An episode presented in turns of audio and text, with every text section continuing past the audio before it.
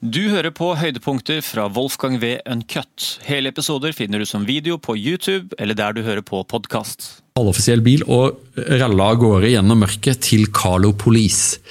Og hva er Carlo Police? Jo, etter at Carl 12.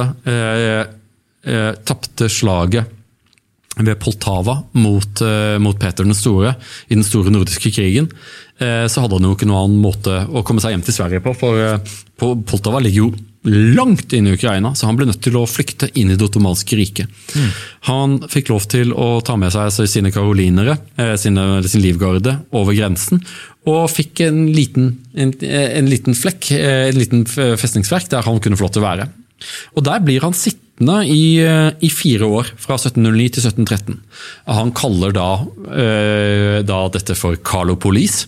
Og i fire år så er dette Sveriges hovedstad.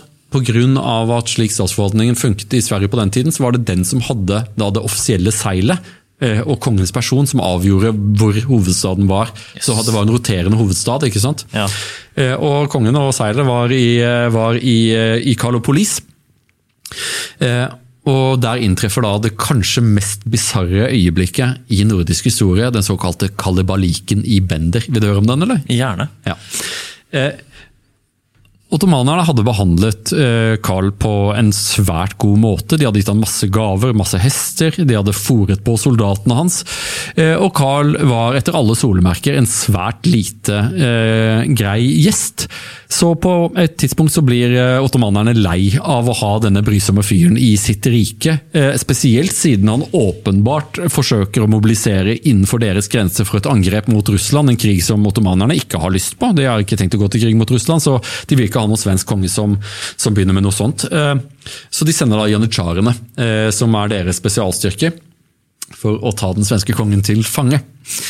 Karl 12., eh, som var en, en merkelig skikkelse, eh, han var visst hermafroditt, altså hadde både mannlige og kjønnelige, eh, kvinnelige kjønnsorganer.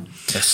Eh, og hadde etter alle, alle beskrivelser et, et bemerkelsesverdig lite hode. Eh, og eh, Han hadde tydeligvis fått litt sånn moteråd da, fra en influenser som anbefalte han å gå i helt gigantiske støvler, sånne svære skaftestøvler, som sånn der katten med hatten, kjempestore støvler. Akkurat. Eh, og at det på en eller annen måte skulle da trekke bort oppmerksomheten fra hans veldig lille hode. Eh, men janitsjarene møter opp eh, 1713 eh, og sier eh, eh, nå får du gi deg, nå, du, nå vi, nå er, nå er festen over.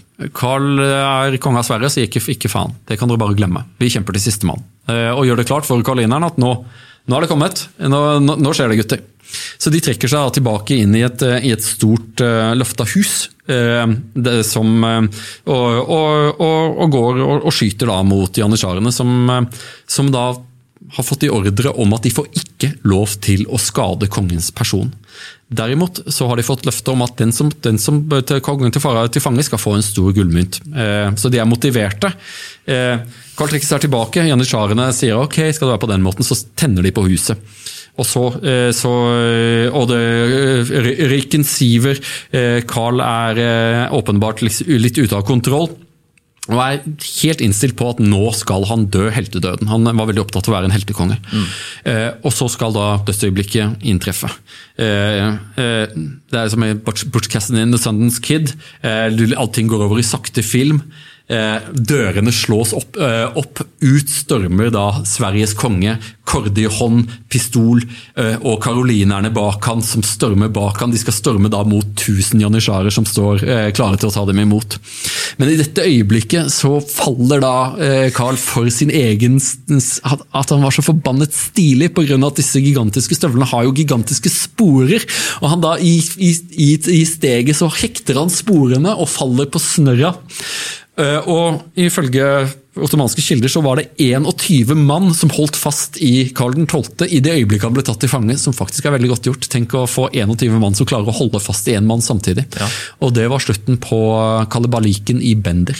Hva skjedde med de her eh, kompisene hans? De ble slakta ned, eller? Nei, øh, eh, eller faktisk, kanskje de ble det. For etter dette så tar Karl 12. og gjennomfører et sånt, et sånt Dante-ritt, der han rir med, med, et par soldater hele veien nord til Stralsund.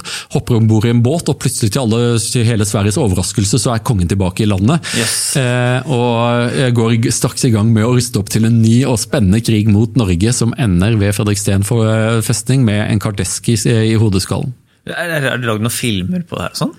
Ja, men ikke på lenge. Kanskje du skal lage en? Det der høres ut som et fenomenalt manus. Ja, det, det, ja, ja, det er jo en fantastisk historie. Det er, fantastisk, det er, det er en fantastisk historie. og, og Karl 12. Eh, hadde da, I denne leiren så hadde han, en, hadde han en del av de ukrainske kosakkene som, eh, som, hadde støttet han i opprør mot tsaren, mot Petter den store.